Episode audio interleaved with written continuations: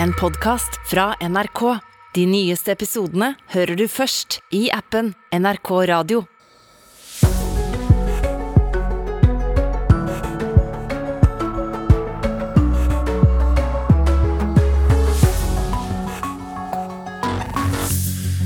Som den observante lytteren nå har fått med seg, Nyhetsmorgen eh, begynner klokka sju nå i påsken. Velkommen alle sammen. Vi skal eh, plukke opp eh, tråden der Dagsnytt slapp den, dvs. Si vi begynner med siste nytt fra vår reporter i Kiev. Så skal vi snakke om flyktningkrisen i 2015, som jo satte en god del norske kommuner på en test. Men resultatet er at de nå har bedre forberedt på den flyktningkrisen som kommer nå. Og det kan jo da forklare hvorfor norske kommuner er mer positive til å ta imot ukrainske flyktninger. Også privatøkonomien vår da, ikke før er pandemien under noenlunde kontroll, så kommer økte mat- og drivstoffpriser og eh, utfordrer oss. Så sitter jeg fortsatt igjen med den følelsen av at jeg er innestengt. Fordi at jeg har ikke råd til å nyte disse små opplevelsene i hverdagen. Og disse økte prisene, hvordan vil det påvirke det forestående lønnsoppgjøret? Dessuten skal vi innom valg i Frankrike, Fortnite, porno og havfisketurisme innen klokken halv åtte her i Nyhetsmorgen. Holder på helt til klokken ni selvfølgelig, men vi tar eh, første skritt først. Nyhetsmorgen i dag med Birger Kålsrud Aasund i eh, studio. Ja, I Dagsnytt hørte vi altså om disse 4,5 millioner menneskene som nå er drevet på flukt fra Ukraina. Samtidig så finner ukrainerne stadig flere drepte sivile og steder som nærmest er rasert, der eh, russerne har trukket seg tilbake. Med oss nå fra hovedstaden Kiev, reporter Joakim eh, Reigstad. Hvordan er situasjonen der du er nå? Så Her i hovedstaden Kyiv så er livet det man kan kalle så godt som normalt eh, i et land i krig. Det er selvfølgelig slik at eh, det er mange varer som mangler på butikkene. Det er lange køer til de få bensinstasjonene som har eh, bensin eller drivstoff. Og det går flyalarmer jevnlig. Men folk lever sånn noenlunde normalt, hvis man ser bort fra alle kontrollpunktene som er rundt byen, alle de væpnede soldatene som går i gatene osv. Men eh, her er det ganske greit. Litt utenfor byen, er der de russiske styrkene har trukket seg tilbake, så er situasjonen ganske annen, som dere er inne på. Her er bolighus eh, jevnet til jorden. Her er det store eh, tegn etter alvorlige kamphandlinger eh, og en helt annen situasjon for de som nå etter hvert får eh, flytte hjem igjen. Men hvordan er det for dem? Hva er det som møter dem eh, når de kommer tilbake til sitt hjemdistrikt? Ja, det er eh, mange grufulle historier vi også hører. I går eh, fortalte vi en historie om en familie som fant seks døde mennesker i kjelleren da de kom hjem til huset sitt i en landsby litt i utkanten av Kyiv her. Og Det er mange slike historier. Vi har jo også hørt de fra f.eks. Eh, Butsja, hvor det var døde som lå i gatene.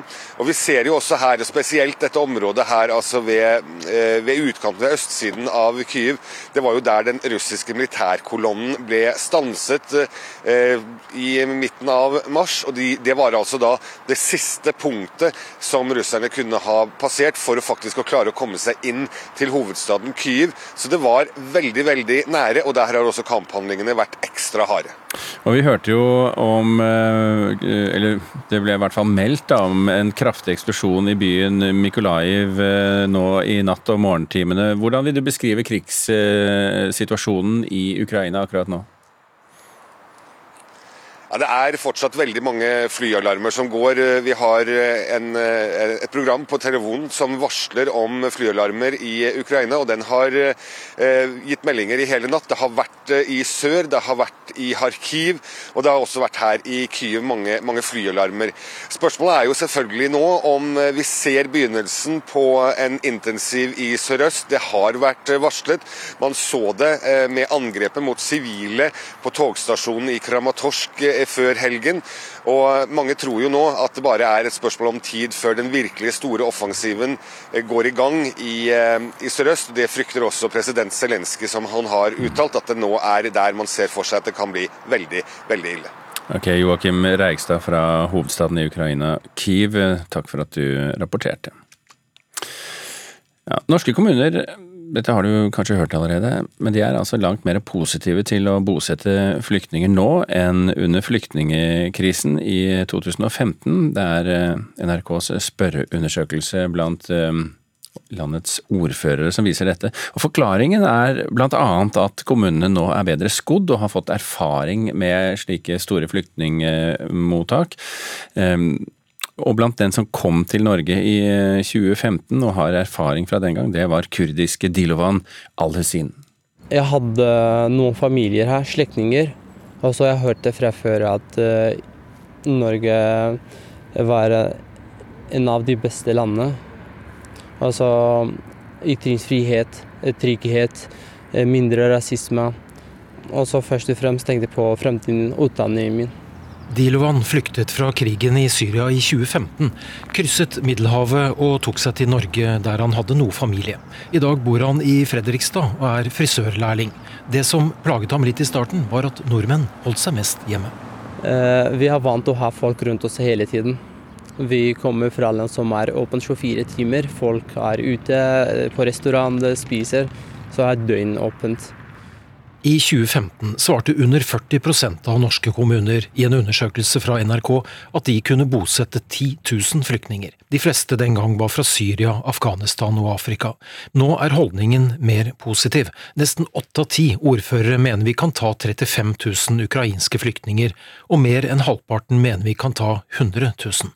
Det skyldes i hovedsak to forhold, mener forsker på migrasjon ved Institutt for samfunnsforskning, Jan Paul Brekke. Jeg tror det er fordi at man ser at uh, dette er mennesker som uh, trenger beskyttelse, og det er sårbare grupper som kommer først. Så det er veldig tydelig at her er det behov for å hjelpe. I tillegg så har man uh, hatt en beredskap siden 2015, og kommunene har vært villige til å ta imot flere enn det de har fått bosette. Så her er det både et sånt behov og en, en beredskap som treffer hverandre, og det gjør at man er villig til å ta imot Eh, ukrainere som kommer. NRK har gjort en tilsvarende undersøkelse nå som i 2015. I Grimstad kommune i Agder sier Høyre-ordfører Beate Skretting at erfaringene med å bosette flyktninger fra 2015 er en viktig faktor for at de sier ja til mange nå. Det vi opplevde i 2015 er jo noe som var med på å gi oss mye læring. Eh, spesielt når det gjelder å ta imot mange på kort tid. Så jeg tror nok at vi er tryggere nå på å ta imot flere, og vi har en eh, veldig god eh, flyktningtjeneste hos oss her i Grimstad, eh, som har verdifull og god kompetanse på feltet, og vi lykkes godt med integrering. Også Sola kommune i Rogaland er klare for å åpne dørene vidt for flyktninger fra Ukraina. Ordfører Tom Henning Slettei fra Fremskrittspartiet sier nærheten til konflikten er avgjørende. Dette er jo òg en av de tingene som Frp har meint og mener hele veien, nemlig at det er rett å hjelpe folk i nærområdene. Og, og det som, eh, som, nok folk flest føler, er jo at dette er svært mye tettere på, og det er en trussel mot eh, ja, demokratiet og, og, og hele Europa.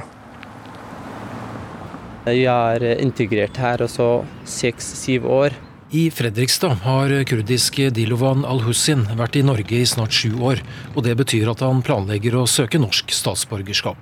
Det er ikke aktuelt å flytte tilbake til Syria, for krisen er ikke over der, selv om vi ikke hører så mye om den lenger. Du har fått deg et nytt land? Ja. Et nytt land.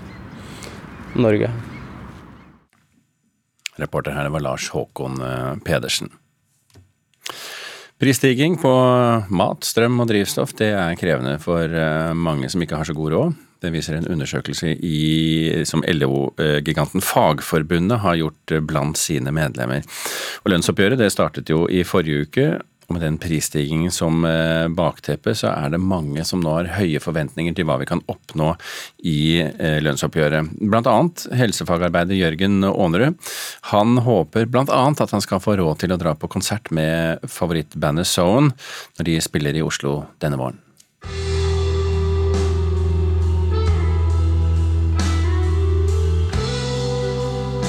I et hvitt hus på Løren i hovedstaden spiller Jørgen Aanerud av sanger fra favorittbandet sitt Soen.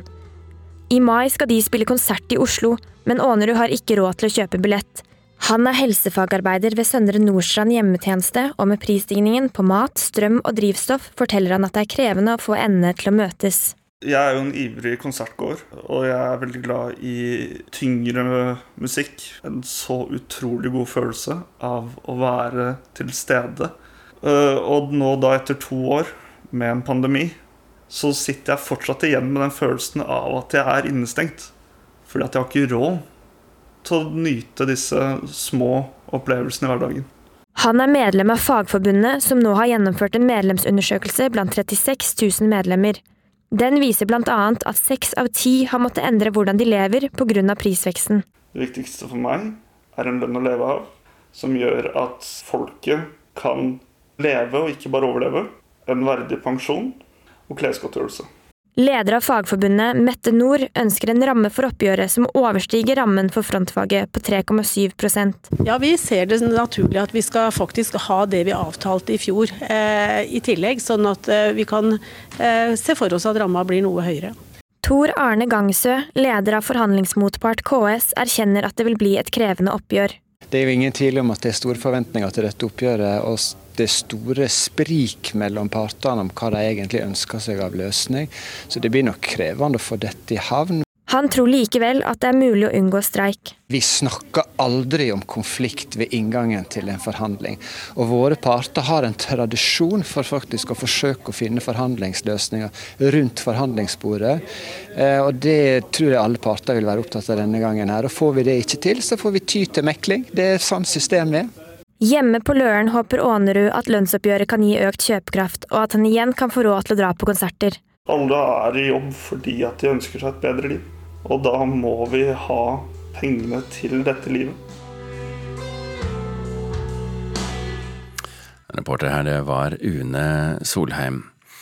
Klokken kvart på åtte så blir det jo Politisk kvarter som vanlig, og det skal dreie seg om helgens store sak. Odd Roger Enoksen gikk jo av som forsvarsminister. Så Håvard Grønli, hva er det mer å snakke om? Jau Enoksen gikk jo av etter at VG fortalte om et seksualisert forhold til ei ung kvinne sist han var i toppolitikken. Han hadde ikke blitt statsråd nå om forholdet var kjent, sa statsminister Støre i helga. I Politisk kvarter spør vi om hvorfor slikt da ikke blir oppdaga. Hun som gjør bakgrunnssjekken på statsministerens kontor, kommer til oss. Eh, Nyhetsmorgen det er jo helt klokka ni. altså Politisk kvarter derimot kvart på åtte.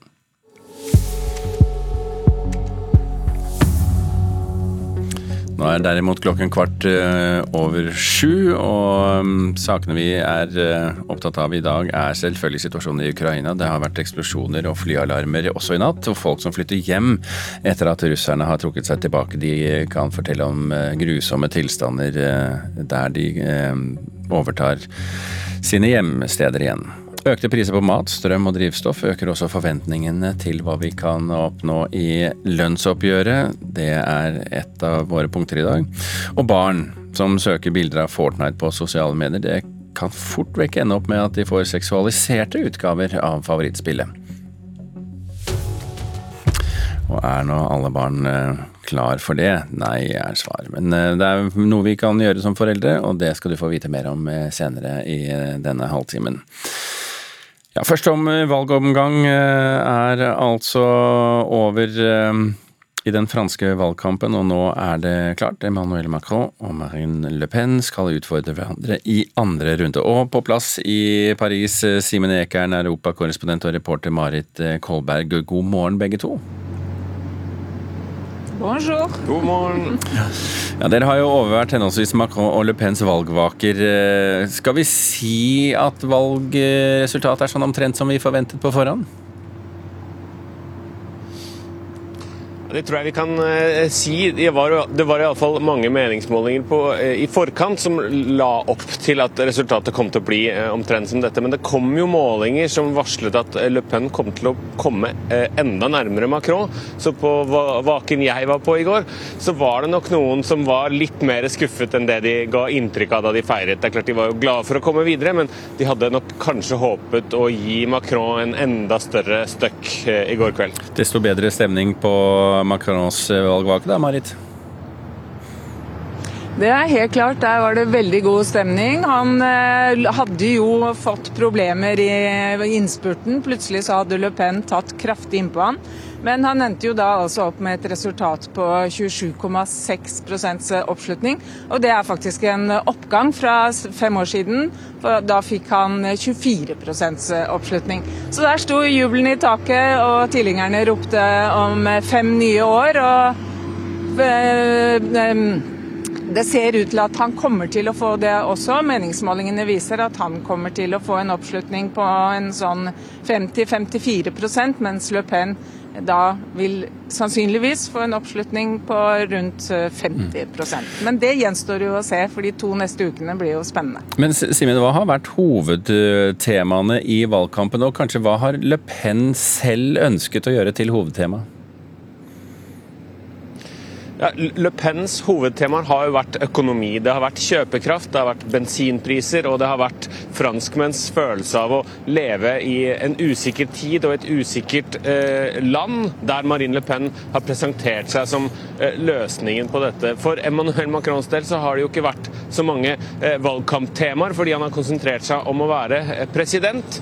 Og så har det for Marine Le Pen eh, i starten av valgkampen vært utfordrende å ha en, eh, en mann fra fra enda lenger til høyre, eh, Erik Zemmour, som jo snakket om mange av de temaene hun har snakket om tidligere. Islam, innvandring, islam, innvandring og islam og innvandring enda en gang. Det gjorde han så eh, mye at, eh, og så hardt og så kompromissløst at Marine Le Pen nærmest kunne framstå som en, en sentrumskandidat med en ansvarlig og, og, nedtonet politikk. Og, og, dermed så var det kanskje en fordel for henne å få en sånn ivrig utfordrer fra ytterste høyre. Men Marit, hva skjedde egentlig med partiene på venstresiden i fransk politikk? Nei, Det kommer det til å bli diskutert en hel masse om de neste ukene. Det er helt sikkert, og de er i gang på TV-sendingene allerede. For eh, Valérie Pécresse f.eks., som lå an til å få rundt 8 hun endte opp på eh, ja, 4,7 hvis jeg husker riktig. Og Anne Hidalgo hun eh, fikk enda dårligere, 1,7. Og der er det jo allerede klart at de mister valgkampstøtten når de får så lav oppslutning. Sosialistpartiet har allerede, har allerede solgt hovedkvarteret sitt her i Paris. Og det ser ut som akkurat de to partiene, som jo tidligere har vært de to som har delt eh, presidentmakten her i Frankrike, og nå ser det ut som de rett og slett ramler helt sammen. Og hva i all verden som skal skje framover, det er det store, store spørsmålet. Du, du var inne på det, Simen. Dette med at uh, Macron har uh, ikke vært så delaktig i valgkampen før han har vært opptatt med å være president. Hvordan har krigen i Ukraina påvirket uh, valgkampen, og kanskje også selge, selve valget? Så Helt i begynnelsen Jeg var jo til stede da Macron presenterte sitt eh, valgprogram endelig, etter eh, mange måneders eh, ventetid. og Da lå det jo virkelig an til at han skulle vinne mye mer overbevisende. I starten av krigen så fikk han en økt oppslutning på meningsmålingene, ganske kraftig også. Mange så ham som presidenten i en tid i krig, og det ble snakket om den tradisjonelle, nærmest, effekten av at folk samler seg rundt flagget i en sånn situasjon. Eh, og Vi så da også at en del av de kandidatene som har eh, pleiet et litt for nært forhold til Vladimir Putin, deriblant Marine Le Pen, men kanskje enda større grad Erik Zemmour, som har vært entusiastisk også til det siste overfor Ikke for krigen, men han har iallfall vært skeptisk til å ta imot ukrainske flyktninger og, og forsvart Putin nokså tydelig. og det viste seg å være en nokså eh, dårlig strategi. Og så var det mange som trodde at ytre venstre-kandidaten Mélenchon også ville bli rammet av en sånn Putin-effekt, fordi han tidligere eh, har vært eh, litt dobbelt når det gjelder sanksjoner eh, etter tidligere invasjoner i Ukraina osv. Men så ser vi da at særlig Marine Le Pen hun kom seg unna det. Det fikk ikke den effekten mange hadde spådd, at hun har eh, valgkampbrosjyrer med bilde av seg selv og Vladimir Putin som holder hverandre eh, i hendene. Og For Macron så sank jo kanskje noe av den eh, litt. da. Folk begynte å tenke på bensinpriser eh, i tillegg til hva som skjedde i Ukraina. Nå er det jo to uker til det avgjørende valget. Om... Ja, unnskyld, bare fortsett du, Marit. Ja, Nei, for Simen nevner Melanchon her, og det ble jo en thriller i løpet av natta, hele historien med han. Vi kjørte forbi Cirque d'Iver på vei hjem i går, der hadde han sin valgvake. Og lenge etter midnatt var det fullt av folk der ute. Fordi det så ut til at han kunne komme, tenkes til å komme forbi Marine Le Pen. Og det hadde vært litt av en nyhet å, å våkne til i dag, men det ble det ikke. Han havnet noen prosentpoeng bak henne. Men han har gjort et helt glitrende valg. Han har tatt 60% av stemmene i bydelen Saint-Denis her i Paris f.eks. Og det som også er litt sånn fascinerende, er jo at Mélenchon selv har jo sagt at nå må folk virkelig stemme på Macron, sånn at vi demmer opp for det ytre høyre. Ikke tale om å gi en stemme til Le Pen. Men velgerne hans er jo ikke enig i det.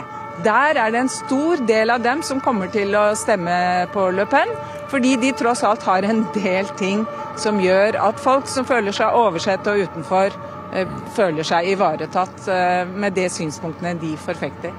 Ok, eh, Marit eh, og, eh, og Simen, altså Simen Ekern og Marit Kolberg med oss fra Paris. Takk så mye. Nå er det jo to uker til det avgjørende valget, så det blir mer enn nok å snakke om i Frankrike også de kommende dagene. Vi skal bytte tema fullstendig, fordi Pornografiske bilder av kvinnelige karakterer fra spillet Fortnite, som jo mange barn spiller, det kan dukke opp på Instagram f.eks., helt uten at man eh, søker eksplisitt på det.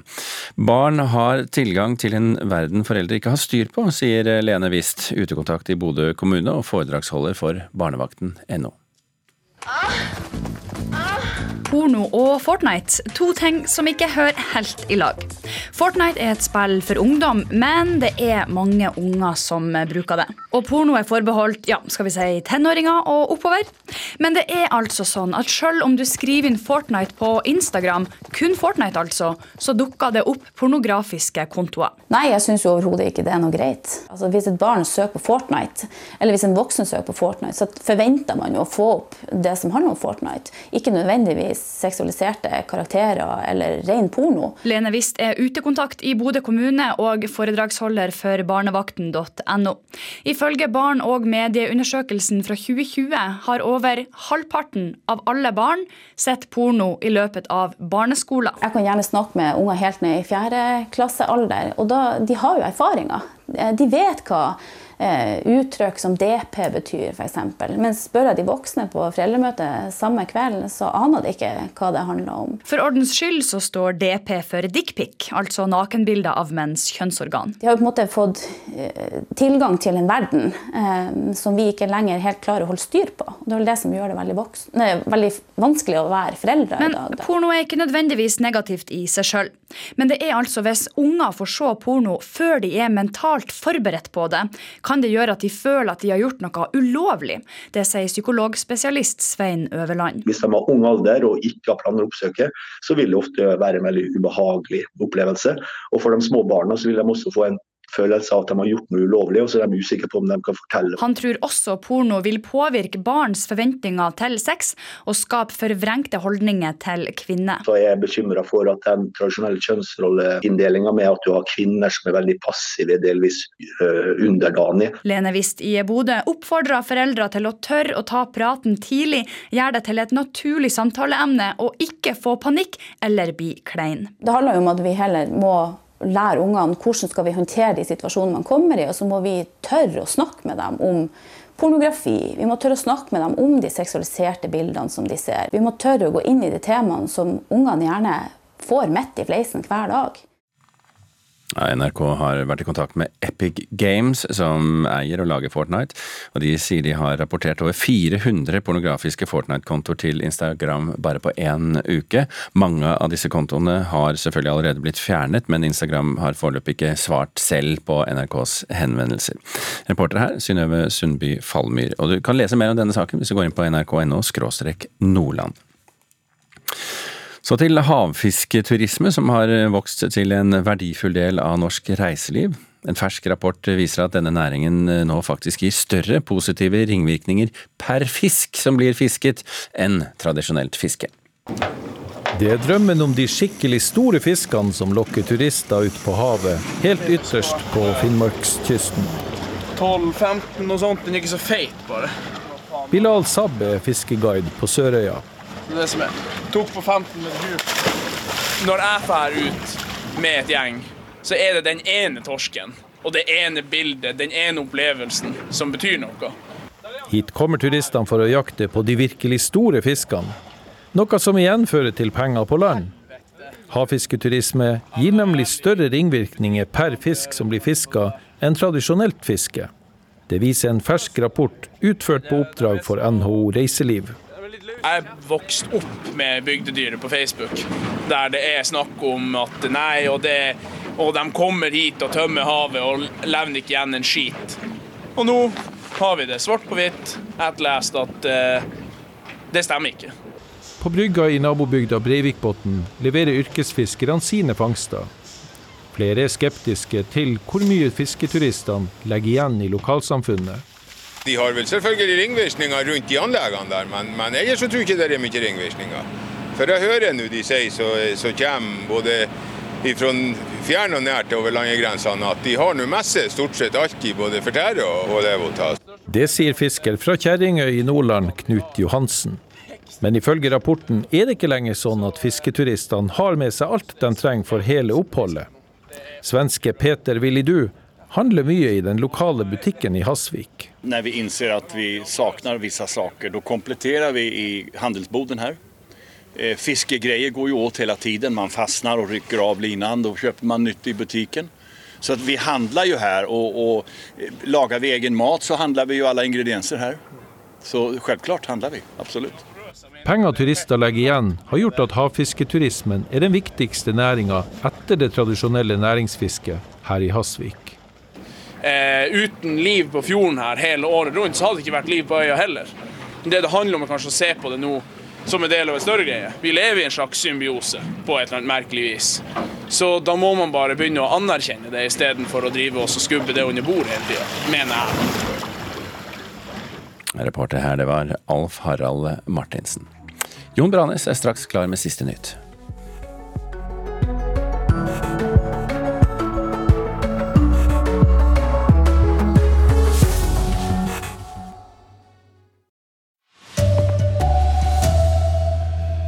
4,5 millioner har flykta fra Ukraina. 7 millioner er på flukt inne i landet. Forhåndsfavorittene fikk flest stemmer i Frankrike. Presidenten møter ytre høyres kandidat i andre valgomgang.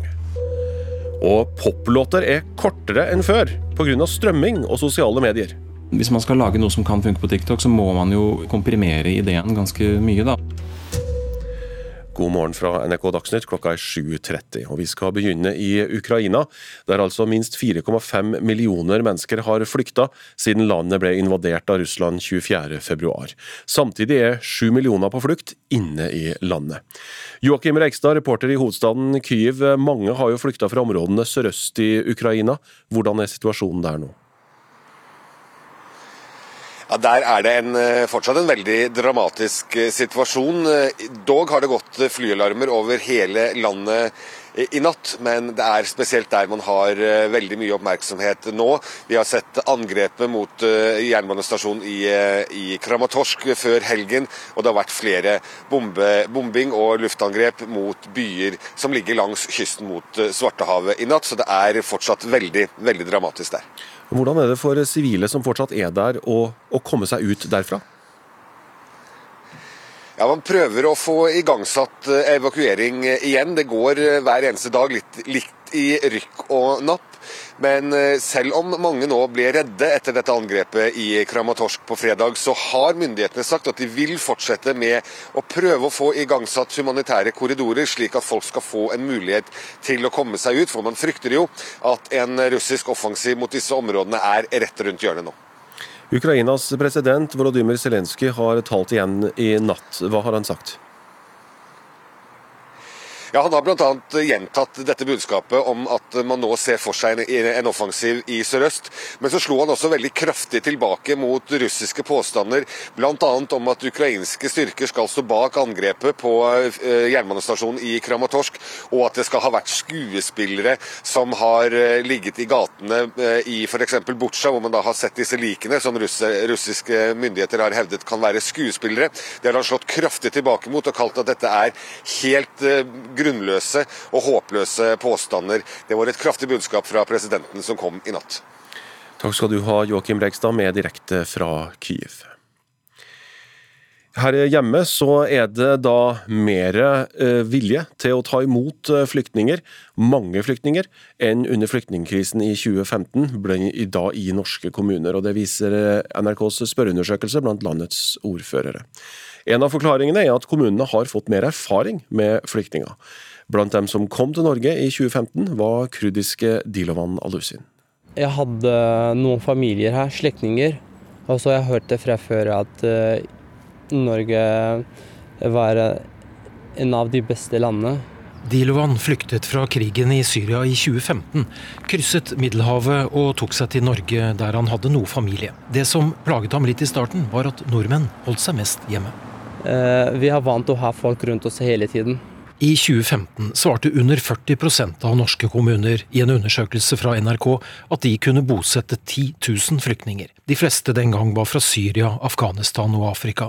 Nå er holdningen mer positiv. Nesten åtte av ti ordførere mener vi kan ta 35 000 ukrainske flyktninger, og mer enn halvparten mener vi kan ta 100 000.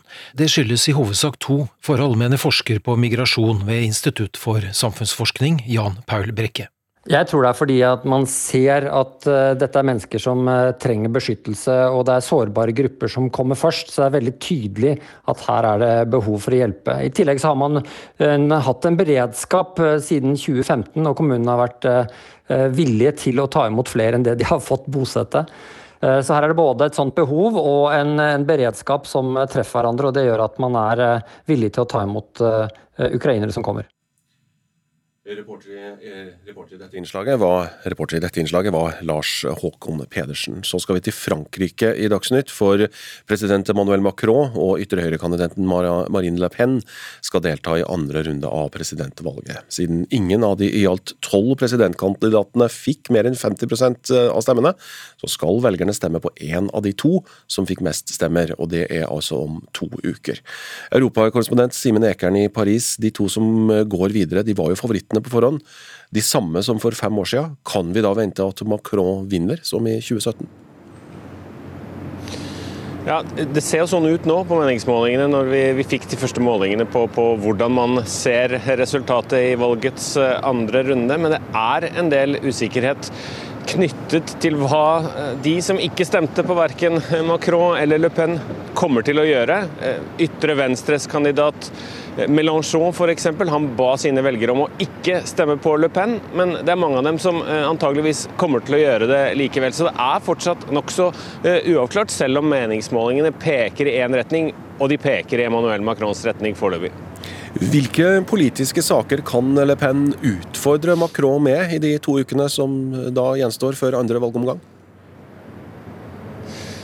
Det er et, eh, et, par ting hun kommer til å uh, konsentrere seg om og pleie bildet av Emmanuel Macron som en fjern president, en mann som ikke vet hva vanlige folk driver med, er opptatt av å ha behov for. og Det gjelder særlig kjøpekraft og bensinpriser. En del eh, temaer som allerede skapte problemer for Emmanuel Macron eh, for mange år siden, da de gule vestene eh, lagde opprør rundt omkring i hele Frankrike. Det er nok den biten hun kommer til å, å, å satse på. Og for Macrons del så blir det viktig å minne velgerne på hvorfor Le Pen er en politiker som, som har skremt frank, eh, franskmenn tidligere, og som skaper bekymring ikke bare i Frankrike, men i, i, hele Europa. Han må minne dem på at det blir et så dramatisk skifte med henne som president at eh, franskmennene kanskje ikke egentlig eh, vil ha det. Så det blir en intens kamp mellom de to. Takk skal du ha, Simen Ekern i Paris. Så skal vi til det norske lønnsoppgjøret, for prisstigning på mat, strøm og drivstoff er krevende for mange. Det viser en større undersøkelse som et LO-forbund har gjort blant sine medlemmer. Lønnsoppgjøret starta i forrige uke, og med prisstigning som bakteppe er det mange som har høye forventninger. Helsefagarbeider Jørgen Aanerud håper han skal få råd til å dra på konsert med favorittbandet Soen denne våren. Jeg er jo en ivrig konsertgåer, eh, og nå da etter to år med en pandemi, så sitter jeg fortsatt igjen med den følelsen av at jeg er innestengt. Fordi at jeg har ikke råd til å nyte disse små opplevelsene i hverdagen. Jørgen Aanerud er medlem av Fagforbundet, som nå har gjennomført en medlemsundersøkelse blant 36 000 medlemmer. Den viser bl.a. at seks av ti har måttet endre hvordan de lever pga. prisveksten. Leder av Fagforbundet, Mette Nord, ønsker en ramme for oppgjøret som overstiger rammen for frontfaget på 3,7% Ja, Vi ser det naturlig at vi skal faktisk ha det vi avtalte i fjor eh, i tillegg, sånn at eh, vi kan eh, se for oss at ramma blir noe høyere. Tor Arne Gangsø, leder av forhandlingsmotpart KS, erkjenner at det vil bli et krevende oppgjør. Det er jo ingen tvil om at det er store forventninger til dette oppgjøret. og det store sprik mellom partene om hva de egentlig ønsker seg av løsning. Så det blir nok krevende å få dette i havn. Hjemme på Løren håper Aanerud at lønnsoppgjøret kan gi økt kjøpekraft, og at han igjen kan få råd til å dra på konserter. Alle er i jobb fordi at de ønsker seg et bedre liv. Og da må vi ha pengene til dette livet. Reportere her var Une Solheim og Mats Rønning. Jan Ivar Semlic går av som Orkla-sjef, og Nils K. Selte tar over. Orkla skriver i en børsmelding at selskapet går inn i en fase som krever en ny form for ledelse. Orkla er jo et av Norges største børsnoterte selskaper, og leverer bl.a. varer til matbutikkene. Poplåter blir stadig kortere. Siden 1990-tallet er det blitt ett minutt kortere, viser amerikansk forskning. Musikkjournalist Sandeep Singh i NRK sier artister som Little Nas X kjenner mer på strømming og sosiale medier enn spilling på radio. På radio så får man betalt for antall minutter spilt, så da var det en motivasjon til at låtene skulle ha en viss lengde. På strømmetjenestene så får man betalt per stream. Ser man på Spotifys topp 50 i Norge i dag, er over halvparten av låtene på under tre minutter. Martin Sjøli er musikkprodusent og har laget låter for bl.a. Sigrid. Sjøli tror mange produsenter har et mål om at låtene skal slå an på TikTok. Hvis man skal lage noe som kan funke på TikTok, så må man jo i hvert fall komprimere ideen ganske mye, da. Reporter her var Astrid Johanne Sørnes. Og for deg som foretrekker radio, så kan vi jo si at kortere låter betyr flere låter per time, om ikke annet. Ansvarlig for NRK Dagsnytt i dag er Anne Skårseth. Her i studio Jon Branes.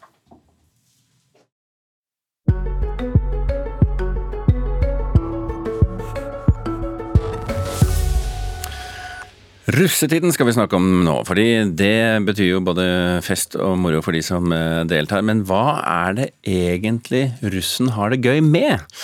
En stipendiat ved Universitetet i Sørøst-Norge forsker på humoren ved russefeiringene, og det er ikke bare morsomt. Nei, Det blir jo rulling nå med bussen. Vi har jo brukt en del penger på det. Og så de landstreffene var veldig gøy. Og bare fellesskap og være mange sammen. da. Det sier Sebastian Servold ved Porsgrunn videregående skole. Etter to år med pandemi er de ekstra glade for at årets russetid blir normal, forteller Emma Tilda Mustvedt og Annabella Reppe. Det var som å, I går kveld var det som å det var nesten julaften i morgen. på en måte. Bedre enn julaften. Bedre enn julaften. Faktisk. Jeg gleder meg veldig. Ja, Det er veldig stas. Men er russefeiringer bare morsomt? Det ble Anette Winkelmann, som er stipendiat ved Universitetet i Sørøst-Norge, nysgjerrig på, og hun startet et forskningsprosjekt om russefeiringer for tre år siden. Altså, jeg hadde jo ikke tenkt på russefeiring siden jeg selv gikk på videregående, jeg var jo heller ikke russ sjøl. Men så så jeg på det her Skam, TV-serien Skam, og der var jo russefeiringene plutselig veldig presente. Og så var det sånn at William han var jo på russebuss, og bussen han var på het Penetrator. Og så var det en del andre russebusser som het sånn som Musefella og Dictators og sånne ting. Og det syntes jeg var veldig morsomt. Og så hadde jeg litt lyst til å undersøke den humoren der. Men da hun så på tekstene i russelåtene, fant hun flere ting som ikke var fullt så morsomt. Den latteren, da, den går bare én vei. Det er liksom ofte da guttene som er eh, subjekter, de som gjør ting, og så er det jentene som er objekter som blir gjort noe med. Eh, og det kan ligne litt som på det som pornografien gjør. Humoren er på guttas premisser, fant Winkelmann. Det går igjen ganske mye med hore, da. Eh, horeordet blir brukt ganske hyppig i de låtene. Og det finnes jo ikke noe godt mannlig ord for hore, så det kan jo være en forklaring på det også. Eh, men så er det også en del negativt om feminister. Og så er det et annet begrep som går ganske ofte igjen, som er guttastemning. At det er veldig mye guttastemning i russefeiringene. Media er også med på å forsterke inntrykket, fordi de fanger opp guttenes måte å feire russetida på, sier hun. Og det blir også formidlet videre og gjenfortalt. Og det kan også være en årsak til at man på en måte godtar litt dette litt sånn eh, skeive hierarkiske systemet som jeg ser, da. Winkelmann mener samfunnet på et vis unnskylder mye av det som skjer, med å kalle det et overgangsrituale. Det er også muligheter å se på det som, et, som en subkultur. Og så kunne man kanskje tenke at de, de avvikende holdningene er på en måte til likestilling. da. At de gjør litt narr av hele likestillinga. Det er en del sanger hvor det går igjen også at ingen liker feminister og jævla feminist og sånne ting. Guttene som Winkelmann har snakket med er veldig tydelige på at det er for moro. Også jentene er med på at kjønnsrollene i russelåter er humor, men har også blanda følelser til det, påpeker forskeren. De er ganske klar over det her sjøl. Eh, jeg vil jo si at et funn er at jenter sjonglerer ganske godt mellom den humoren de går inn og ut av den, og de skjønner at det er humor. Og det gjør for så vidt guttene også, altså. Så det er kanskje mest vi utenfor som ikke helt skjønner den humoren der. Men øh, jeg opplever at jentene har et litt sånn ambivalent forhold til det. De synes på en måte ikke at det er greit, men de aksepterer det for moro skyld. Men hva tenker russen selv? Marius Norbakk og russen i Porsgrunn mener det er sånn det har vært. Personlig så er ikke jeg så veldig fan av det, for jeg syns eh, det er litt harry, for å være helt ærlig. Så jeg, sanger og sånt som har så mye hore og sånt i seg, det, det, blir så bø. Det har kanskje blitt litt normalt at alle bare følger strømmen, på en måte. Ja. Kanskje ikke det legger så mye inn i det, bare at det, eh, det skjer. Det er sånn russeartister lager sanger. Man tenker ikke så mye over egentlig ordene, føler jeg. Og så bare synger det uten å tenke på egentlig meningen bak det. Og jeg føler heller ikke at så mange jenter føler seg undertrykt fordi man synger hore, selv om det egentlig er et negativt ladd ord. Men i russesanger så glemmer man liksom litt betydningen, da. Aller mest er de nå opptatt av å endelig kunne feire russetida. Vi gleder oss i hvert fall veldig til å komme i gang. Ordentlig i gang. På en skala fra én til ti? I går så gleda jeg meg elleve. Nå er det ti. Men nå er vi i gang. Reporter her, det var Vigdis Hella. Straks eh, Politisk kvarter, og da skal du få vite mer om hvordan man ansetter statsråder og forsøker å unngå at overraskelser pipler til overflaten. Men la meg minne om eh, toppsakene våre først. 4,5 million mennesker har flyttet fra Ukraina. 7 millioner er på flukt inne i landet. Forhåndsfavorittene Macron og Le Pen fikk flest stemmer i Frankrike. Presidenten møter ytre høyres kandidat i andre valgomgang. Og poplåter er kortere enn før pga. strømming og sosiale medier, men like lang som alltid. Her er Politisk kvarter med Håvard Grønli.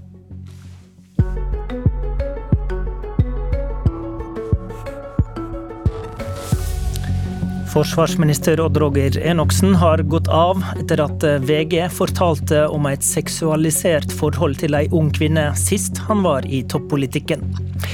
Han hadde ikke blitt statsråd nå om forholdet var kjent, sa statsminister Støre i helga. Så hvorfor blir ikke slikt oppdaga? For selv om ikke den alvorlige historien som kom fram i helga var kjent før nå, så hadde jo noen sagt fra om Enoksen. Men de som undersøkte statsrådkandidater til Støre-regjeringa i høst, hadde ingen indikasjoner. God morgen i studio i Trondheim, Hilde Lengali. God morgen. God morgen. Du var tidligere politiker i Senterpartiet, og NRK fortalte tidligere i måneden om to ugreie opplevelser du hadde med Enoksen rundt årtusenskiftet, på et hotellrom og i en garderobe. Etter at de opplevingene var kjent, kom altså ei anna kvinne fram med si historie i helga. Um, Detaljene i dine opplevelser og Enoksens versjon kan eh, publikum søke seg fram til på nrk.no. De er fortalt før. I dette intervjuet skal vi fokusere på hvordan ting ble tatt videre. For din oppleving er at eh, historien din ikke ble tatt på alvor etter at du fortalte om dette i samband med metoo i 2017. Hvordan da? Jo, øh, jeg fortalte jo øh, nestleder i Senterpartiet, Anne Beate Tvinnereim, hva som hadde skjedd med meg da Senterpartiet sa at de ikke hadde fått noen varsler. Og vi hadde en fin samtale hvor jeg følte at jeg ble hørt og tatt på alvor, og jeg fikk tilbakemelding på at det var viktig at jeg fortalte hva som hadde skjedd med meg. Og det jeg husker at vi konkluderte med, var jo at øh, hvis noen andre fortalte om Enoksen, noe som ligna på min historie, eller hvis det var aktuelt at han skulle komme i posisjon igjen, så ville jeg varsle. Um, ja, det er i hvert fall sånn som jeg sånn som jeg føl, føler det, da, og vet at jeg følte det den gangen. Så jeg syns det er veldig rart hvis ikke det ble uttalt også i den samtalen jeg hadde med henne. Og også da med Knut Olsen helt på begynnelsen av 2018. Det er slik at uh, Senterpartiet, både ved Olsen og Tvinnereim, som du uh, nevner, har fått tilbud om å være med i Politisk kvarter i dag, men har takka nei til det. Uh, hva mener du Senterpartiet burde gjort, da? Da det ble aktuelt at Enoksen skulle bli minister, så hadde det vært lurt å varsle meg om at det var et navn som kom på bordet, og gi meg i hvert fall et, eh, et vink om det, sånn at jeg hadde hatt anledning da, til å komme med et formelt varsel i ja. den situasjonen. Hva tror du ville skjedd videre da, om du hadde varsla formelt? Det er jo veldig vanskelig å si. Uh, det er jo en av grunnene, tror jeg, til at veldig mange ikke varsler. At eh, vi er redd for ikke å bli trodd. Eller enda verre, hvis vi blir trodd, men ikke blir tatt på alvor. Altså at det ikke får noen konsekvenser for den som har gjort noe galt. Men at vi som har blitt utsatt for eh, en form for maktmisbruk, fortsatt må bære ansvaret aleine, da. På det tidspunktet som du sa fra i samband med metoo-oppgjøret i 2017, så hadde ikke Enoksen verv i partiet eller lå an til å få noen sentral posisjon. Og du lot da, som du forteller, være å gå videre med dette som et formelt varsel da. Var det fordi han ikke hadde noen posisjon? Ja, selvfølgelig. Fordi at det er også et stort ubehag å varsle den det gjelder. Eh, det har jeg undra meg mye over, hvorfor det er så vanskelig. Og så konfrontere den som har gjort noe han ikke skulle gjøre. Men det, det er det altså. Og det forteller jo også alle de andre ufortalte historiene som jeg har fått varsel om nå siden jeg sto fram. Det er veldig mange som har tatt kontakt. Så det er ikke noe, det er ikke noe, det er ikke noe bare jeg har opplevd. Er konsekvensen av at du ikke varsler formelt kanskje at slik sensitiv informasjon ikke blir kjent for flere, da? Ja, det er jo det det er. Og den, jeg må jo si at jeg følte på en veldig sånn sterk avmaktsfølelse da jeg så at Enoksen ble statsråd. Jeg følte meg jo svikta og ikke hørt. Altså at min fortelling ikke betydde noe. Nå skal vi snart snakke med hun som har ansvaret for bakgrunnssjekken av politikere som er kandidater til å bli statsråd. Mener du hun burde fått vite om de historiene?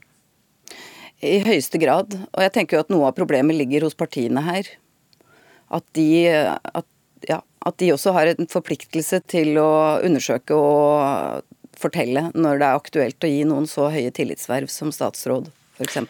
I helga fortalte Støre, statsministeren, at i en slik bakgrunnssjekk så er en jo faktisk avhengig av at kandidaten forteller sjøl i siste instans. Hva er dine refleksjoner om at en har en relativt tillitsbasert prosess om slike forhold? da? Ja, det er jo veldig fint at vi har en tillitsbasert prosess, men når noen andre vet, så tenker jeg at da er det viktig i hvert fall å si til den, den det gjelder, at her har vi fått fortelling. Altså det at Enoksen ikke fikk vite at jeg hadde varsla, det tenker jeg også var et svik fra Senterpartiet sin side. Takk for at du var med, Hilde Lengali, i sendinga. Vi venner oss til deg, Kristine Kalseth. Du er stabssjef på statsministerens kontor, du er fra Arbeiderpartiet, og du er den som gjør bakgrunnssjekken av potensielle statsråder i den regjeringa som sitter nå. Ja, det stemmer. Kan du fortelle hvordan en slik bakgrunnssjekk skjer? Eh, ja, eh, det er jo partiene sin vurdering av eh, hvilke personer eh, som skal ha de viktigste tillitsvervene eh, i, eh, i, et sånt regjeringssystem. Det starter jo med at, at partileder, statsminister, gjør sine vurderinger av, av, kandidater i partiet, og velger ut de de mener er riktige. Så eh, gjennomfører jeg en eh, lengre samtale med dem eh, rundt en rekke tema. det er jo, som du nevnte også i stad, en samtale som er tillitsbasert. Eh, vi er avhengig av at eh, de eh, det gjelder, legger alt på bordet, er åpne i en sånn type samtale, sånn at vi har snakket gjennom alle ulike sider ved dem. En bredde av temaer. Det er jo litt tre ulike formål med den samtalen. Det er både formelle ting, ting som knytter seg til habilitet, om det er bindinger de har. Det kan være jobb, eierinteresser, annet som gjør at de vanskelig kan gjøre jobben på det området de er satt til. Så er det det som går på skikkethet, om det er ting i livet deres som tilsier at de ikke kan ha en sånn type tillitsverv. Det kan typisk være denne typen ugreie relasjoner, eh, rusmisbruk, lovbrudd, eh, sånne type saker. Eh, og så er det en, en lang spørrebrødliste av ulike tema, smått og stort, feil, ting man kan ha gjort i livet som det er viktig at vi vet om. Enten for at man kan rydde opp i det, eller at vi er forberedt dersom det skulle bli mediesaker rundt, rundt ting. Hvis du hadde fått vite om forholdet mellom en voksen mann og en kvinne i slutten av tenåra, som ble skildra i VG i helga, hva hadde du gjort da? Det er viktig for meg å si at jeg ikke går inn på enkeltsakene, men, men i, i, et eksempel hvor jeg hadde fått vite eh, en sånn type informasjon, så ville jeg gått til statsministeren eh, med det eh, og sagt at dette har kommet frem i samtalen. Men dette konkrete som eh, er oppe nå, det var helt ukjent for deg? Eh, igjen så er det viktig for meg at jeg ikke går inn i, i enkeltsakene, men her er det jo bekreftet i mediene at det ikke var kjent. Skulle du ønske du visste? Jeg tenker at det er en stor fordel i disse samtalene eh, å vite mest mulig når man går inn i dem, sånn at man sørger for at alt kommer fram i en sånn samtale. Nå visste ingen om denne siste historien med den unge kvinna. Men eh, som jeg var inne på med Lengali her, tenker du at de som visste om Lengalis historie, eh, burde informert statsministerens kontor, og at det kunne endra noe? Jeg ønsker ikke å kommentere en helt aktuell enkeltsak. Um, jeg lurer på en ting. Nå, nå vet vi jo at det er konkret sånn at generalsekretæren i Senterpartiet er den som behandler varslingssaker. Eh, altså veit han om uh, slike ting i dette partiet. Kunne ikke du bare vist ei navneliste med statsrådkandidater til han og spurt om dette ser greit ut? Um, det er jo partiene som, som gjør utvalget i utgangspunktet her, eh, og jeg antar at partiledelsene har tett kontakt eh, i forkant av utnevnelsen. Eh, men så, så da har ikke Senterpartiet gjort jobben sin godt nok som parti, da? Som sagt, jeg har ikke tenkt å gå inn i denne enkeltsaken, men jeg vil snakke generelt om hvordan vi jobber med disse sakene. Enoksen han fortalte offentlig at han fortalte i disse samtalene på statsministerens kontor at han hadde vært utru. Stilte du gode nok oppfølgingsspørsmål til det? Jeg skjønner at du stiller det spørsmålet. Og igjen så, så skal jeg ikke kommentere denne enkeltsaken. Eh, og jeg vil gjerne si litt om hvorfor det. Fordi eh, i disse samtalene så er jeg avhengig av at folk eh, er veldig åpne, forteller til dels veldig private ting. Og forutsetningen for det må være at de vet at jeg, uansett hva som skjer seinere, ikke kommer til å kommentere eller si noe om hva, hvordan spørsmål var stilt, eller hvilke svar som ble gitt i de samtalene. Men generelt da, så kan jeg si at vi eh, i eh, disse samtalene eh, har en stor bredde av spørsmål. Eh, særlig på dette feltet, som det har vært eh, mange eh, fæle saker i politikken de senere årene som har kommet fram. Og når det kommer fram ting der eh, å stille spørsmål videre på, på, så gjør vi det. Eh, men en av de tingene vi ser på nå, eh, for å se på om vi kan gjøre disse tingene enda bedre, da, eh, er jo om vi eh, kanskje må være enda mer detaljert i spørsmålene.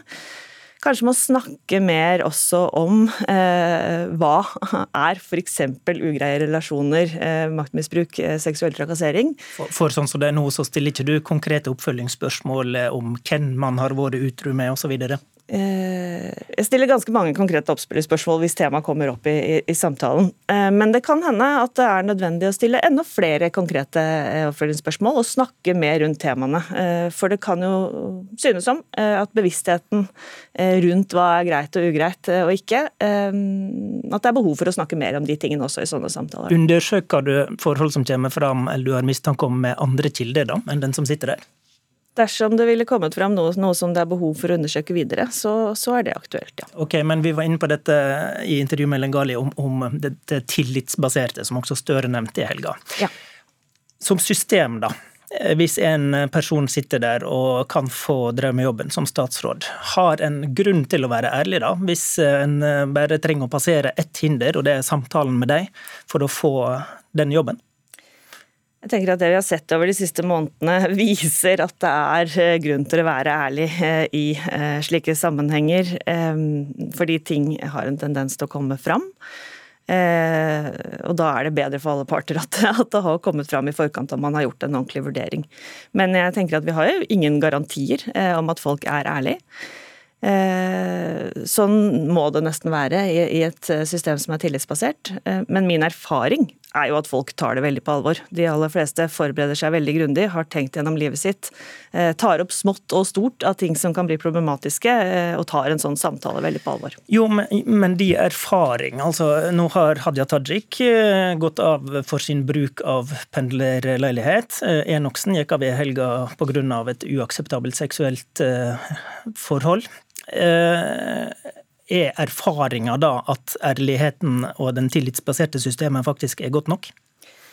Jeg tror ingen som har fulgt med de siste månedene tenker at alt har fungert perfekt her, så det har vi også sagt at vi må se på om det er ting vi gjør på en annen måte. Eh, jeg tenker at eh, det kan være nødvendig å stille enda mer detaljerte spørsmål, sånn at folk faktisk har tenkt gjennom alle sider av saker eh, og snakker mer om temaer. For det, er jo åpenbart at vi må vurdere hele veien om det fungerer bra nok når sånne ting kan skje. Hvor, hvor, hvor, hva slags type konkrete oppfølgingsspørsmål ser du for deg da, som skal endres i systemet?